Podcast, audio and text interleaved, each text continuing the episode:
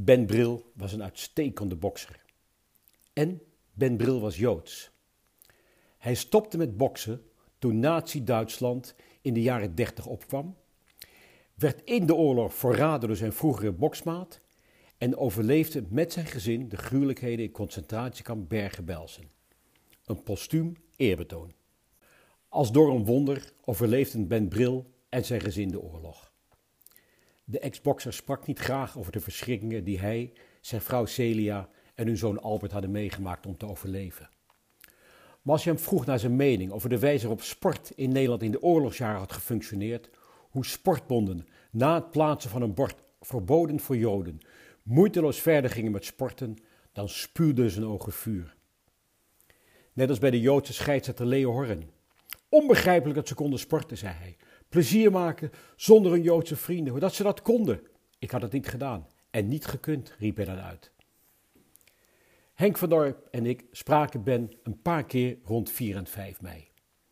Vergezeld door zijn vrouw kwam hij dan naar de studio. Een leuke bijkomstigheid was dat we in de jaren 80 van de vorige eeuw ook wel eens afspraken in de broodjeszaak van Ben en Cilia Bril in Utrecht, zodat we meteen een ouderwets broodje halfom konden bestellen. In 2006 publiceerde journalist Edwin op Zeeland bij uitgever De Buitenspelers de prachtige biografie van Ben Bril, David Ster als ereteken. En drie jaar later bij de andere tijden sport aan de hand van bokser Berry Groenteman een aflevering aan Ben Bril onder de titel Boksen voor je leven. En in deze speciale editie van Helden hoort dus ook een postuum eerbetoon aan de bokser die in de arme vooroorlogse Amsterdamse Jodenbuurt op 16 juli 1912 werd geboren als Baron Bril. Boksen was voor de oorlog populair onder het grote Joodse proletariaat in Amsterdam. Zoals veel boksers was ook Ben een pupil van trainer Joop Kosman. Hij was net 15 toen hij zijn eerste wedstrijd bokste en won. Het was een jaar voor de Olympische Spelen in Amsterdam en de Boksbond wilde hem graag eraan laten meedoen. Eén probleem. Ben was op dat moment 15 en dus te jong. Door zijn geboortedatum te vervalsen kon hij als vliegewicht op 8 augustus 1928, net 16 jaar, in een afgeluide Olympisch stadion in de ring stappen. Ben woog nog geen 50 kilo en was zoals gezegd nog maar pas 16 jaar. Hij won zijn eerste partij, maar verloor zijn tweede en naar later zou blijken laatste Olympische gevecht. Hoewel nooit bewezen, zou de secretaris-penningmeester van de Boksbond, Willemsen, zogenaamd nalatig zijn geweest bij de inschrijving van Ben voor de Spelen van Los Angeles in 1932. Van op Zeeland schreef in de biografie dat Willemsen, als lid van de 1931 opgerichte NSB, zijn antisemitische opvattingen niet verhulde. Ben had als een van de weinige sporters al in 1934 in de gaten wat er stond te gebeuren in het Duitsland van Hitler. Had ervaren hoe zijn Joodse tegenstanders in Berlijn werden behandeld. Voor mij stond al snel vast dat ik zou weigeren deel te nemen aan de Olympische Spelen van Berlijn 1936, zei hij over de Spelen die de geschiedenis in zouden gaan als de Nazi-Spelen. Een jaar voor de Spelen van 1936 had hij wel deelgenomen aan de Maccabiade, de Joodse Wereldspelen. Die Maccabiade zou mede zijn georganiseerd omdat de Joodse gemeenschap in toen nog Palestina aan zag komen dat met name Duitse Joden niet zouden mogen deelnemen aan de Spelen in Berlijn. En met de Davidster op de rechterpijp van zijn broek won Ben in 1935 in Tel Aviv zijn, wat hij later bij herhaling zou noemen, mooiste gouden medaille. Goud bij de Maccabiade. Overigens wel door te winnen van een Duitser. Vijf jaar later, meteen na het winnen van zijn achtste Nederlandse titel op 31 maart 1940 in het Amsterdamse Frascati, greep de pas 27-jarige Ben Bril geëmotioneerd de microfoon en zei, vooruitlopend op de veranderende politieke omstandigheden: Dames en heren, met deze wedstrijd heb ik afscheid genomen van de boksport. Hij was de nazi's voor, want zes weken later was Nederland bezet gebied en zou hem als Joodse bokser toegang tot de ring sowieso worden geweigerd. Overigens waren veel Joodse boksers in Amsterdam in de beginjaren van de oorlog toevallig, dus aanhalingstekens, aanwezig bij veel knokpartijen met NSB'ers en betrokken bij aanslagen op NSB-bolwerken. En als een van de zeer weinige overlevenden kon Bril smakelijk, maar ook met verdriet in zijn ogen, vertellen over de Joodse knokploegen. In ons onderzoek naar voetbal en wielrennen in de oorlog in 1978 en 1979 voor Vrij Nederland, waren Henk van Dorp en ik geen Nederlandse topsporters tegengekomen die als lid van de NSB of de SS een collega-sporter hadden verraden. Die eer viel te beurt aan de beruchte boksfamilie Olij. De 1900 geboren Sam Olij, drievoudig nationaal kampioen zwaargewicht, was notabene de Nederlandse vlaggedrager bij de openingsceremonie van de Olympische Spelen in Amsterdam in 1928. Maar al snel na de oprichting van de NSB in 1931 toonde de Amsterdamse politieman Olij zich een groot sympathisant van de beweging. En kort na de inval van de Duitsers in mei 1940 werden Sam Olij en zijn zoons Jan en Kees fanatiek lid van de SS. En het was uitgingend Jan Olij, die met het pistool gericht op het hoofd van de toen vijfjarige zoon Albert het gezin Bril in 1942 in Utrecht na verraad van huis kwam halen. Neem mij, maar laat mijn vrouw en zoon naar buiten, zou Ban hebben geroepen. De zoon van zijn voormalige bokscollega antwoordde alleen maar: plicht is plicht. Ook die zonen Jan en Kees Olij waren voor Ben, die in de jaren dertig met zijn vrouw zijn eerste broodjeszaak opende, geen vreemde. Met die jongens trainde ik twee keer per week bij Olympia. En dan nam ik voor Jan en zijn broer altijd de lekkerste kroketten mee, zei Ben na de oorlog. En met het nodige cynisme kon hij dan opmerken: dat noem ik stank voor dank. Maar Ben wachtte nog grotere verrassing na zijn arrestatie. Op het bureau van de Centraalstelle voor Judische Auswanderungen in de Euterpenstraat in Amsterdam, de latere Gert van de Veenstraat, werd hij opgewacht door Sam Olij, zijn vroegere boksmaat, ex-teamgenoot bij Olympia en de Nederlandse vlaggedrager bij de Spelen van 28. En ook voor hem gold: plicht is plicht. Met dank dus aan een collega belanden Ben en zijn gezin in kamp Vught. En deze vorm van verraad is, voor zover Henk en ik hebben kunnen nagaan, uniek in de sportwereld tussen 1940 en 1945. Dat vlaggendrager Sam Olij tot de grootste landverraders behoorde, bleek mede uit zijn actieve betrokkenheid bij de dramatische ontruimingen van het Joods Blindeninstituut, het tehuis voor Joodse ouden vandaag, de zogenaamde Joodse invaliden, en het Joods Weeshuis in Amsterdam. Via Vught ging het naar Westerbork. Ben en zijn gezin werden niet, zoals verreweg de meeste lotgenoten, meteen op transport gesteld naar de vernietigingskampen Auschwitz op Sobibor. Nee, het gezin Bril werd in 1944 gedeporteerd naar concentratiekamp Bergen-Belsen, waar overigens ook ruim 70.000 mensen de dood vonden, onder wie Anne Frank en haar zuster Margot. Het is zeer waarschijnlijk dat Ben de kampen mee heeft overleefd dankzij zijn faam en kracht als bokser. Ben bokste partijen in de kampen en verloor ze expres in de hoop op een hoop extra brood. Het was zijn manier om te overleven. In Vught spaarde hij bijvoorbeeld in de ring een Poolse kampbewaker in ruil voor noodzakelijke medicijnen voor zijn zoon. Medegevangene Gerhard Duurlacher, auteur van het indrukwekkende Strepen aan de Hemel, schreef in zijn boek Quarantaine hoe Ben hem en andere tieners te werk liet stellen in de keuken van kamp Westerbork. Dat was een bevoorrechte positie in Westerkorp. Als je het geluk had dat je in de keuken te werk werd gesteld, betekende dat dat je niet onmiddellijk op transport werd gesteld naar de vernietigingskampen Sobibor en Auschwitz. Het was dus een min of meer bevoorrechte positie, die keuken in Westerbork. En Ben besloot om de Joodse jongeren in de keuken vervolgens bokstraining te geven, om hen weerbaarder te maken. Het was trouwens krankzinnig, dat Westerbork. Hè? Daags voor de transporten naar de vernietigingskampen, Auschwitz en Sobibor, werden er cabaretavonden georganiseerd. Er waren ook voetbalwedstrijden. En mede dankzij Ben bokswedstrijden.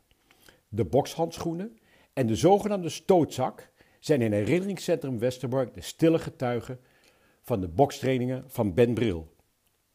Dat het gezin Bril Bergen-Belsen overleefde had te maken met de nationaliteit van Celia, die in Amerika was opgegroeid als Sarah Blitz. Ben, zijn tussen aanhalingstekens Amerikaanse vrouw, en zoon Albert behoorden dan ook tot 197 uitverkorenen die dienden als mogelijke uitwisseling met Duitse krijgsgevangenen.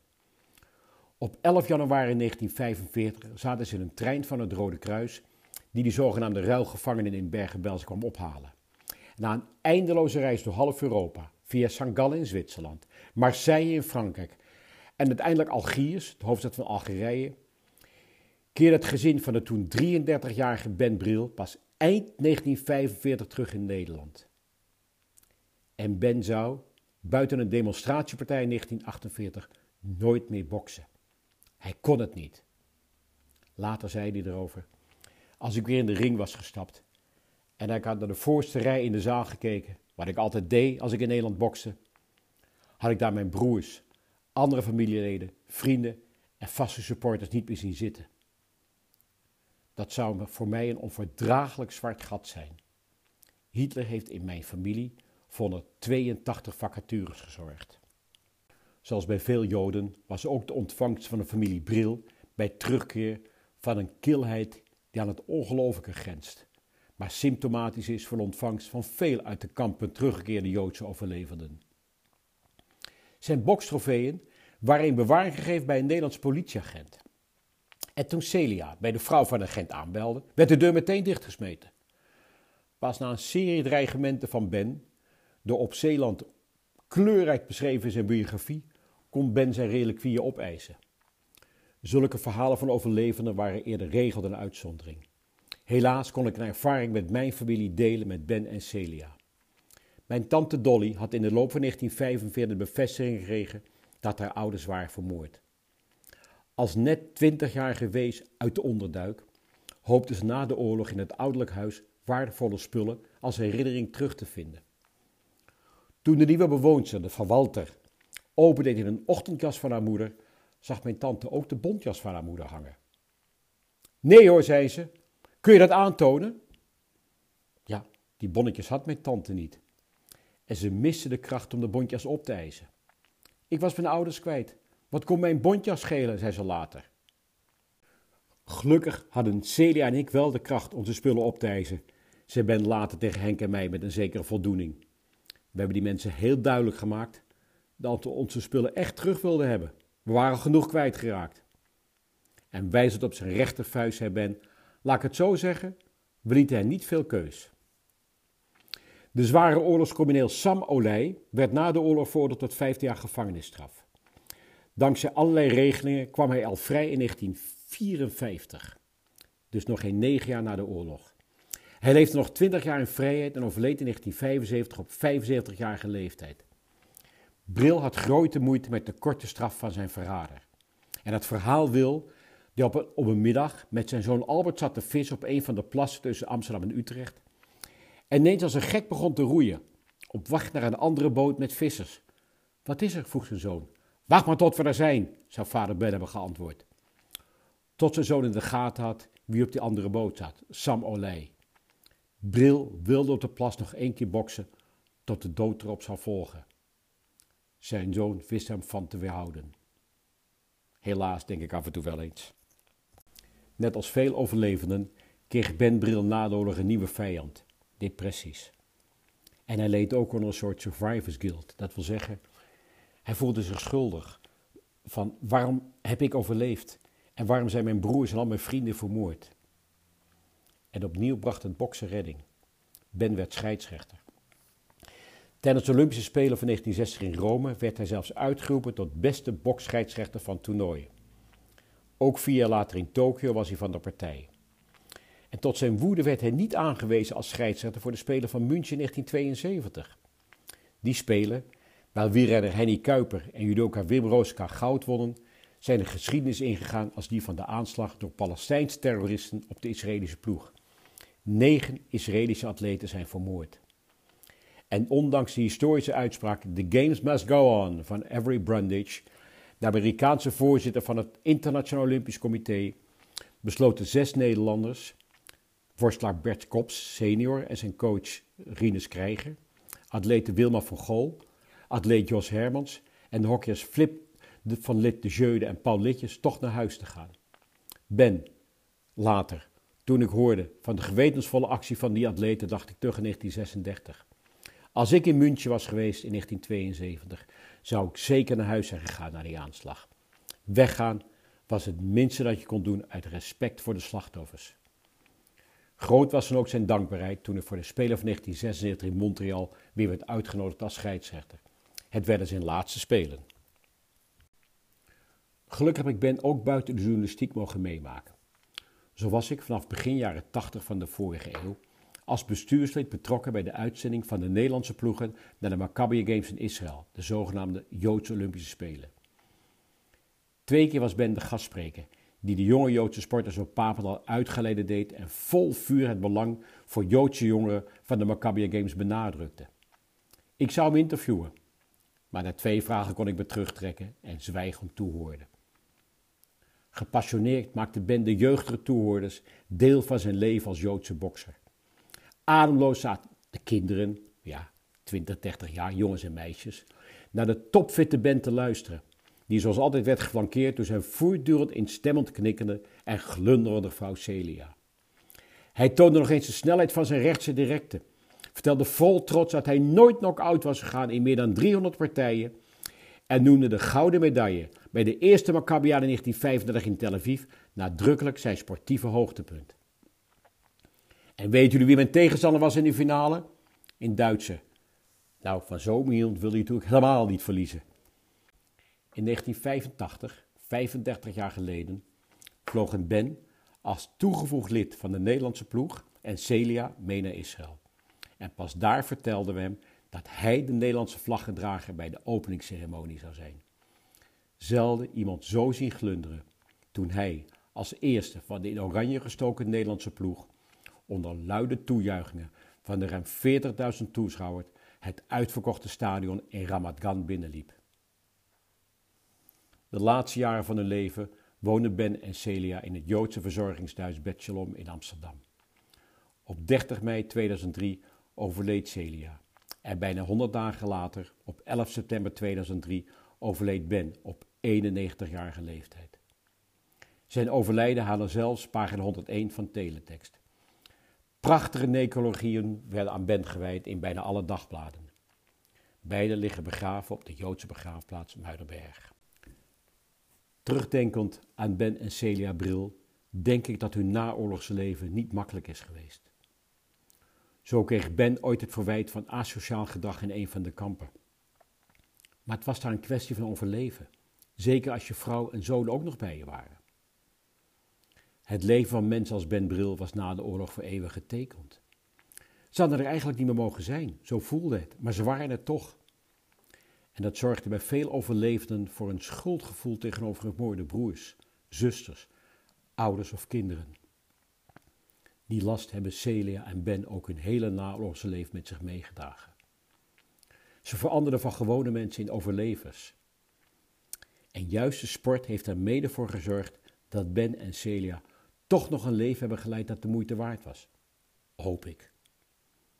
Mooi is dat in 2007 de boksliefhebbers Martin Overste, Jan Lente en de Nederlandse Boksbond in het Amsterdamse Theater Carré een eerbetoon organiseerden dat Bril toekwam. De Ben Brill Memorial. En mede dankzij Hans de Bruin is dit boksevenement inmiddels uitgegroeid tot een jaarlijks terugkerend hoogtepunt voor Boksmiddel Nederland met Erik Dijkstra jarenlang als de enthousiaste speaker. Na de oorlog duurde het tot 2012 voordat weer een Joodse bokser kampioen van Nederland werd. En net als zijn grote voorbeeld Ben Bril veroverde Barry Groenteman die titel met de Davidster op de rechterpijp van zijn broek op het gala van zijn grote voorbeeld, de Ben Brill Memorial.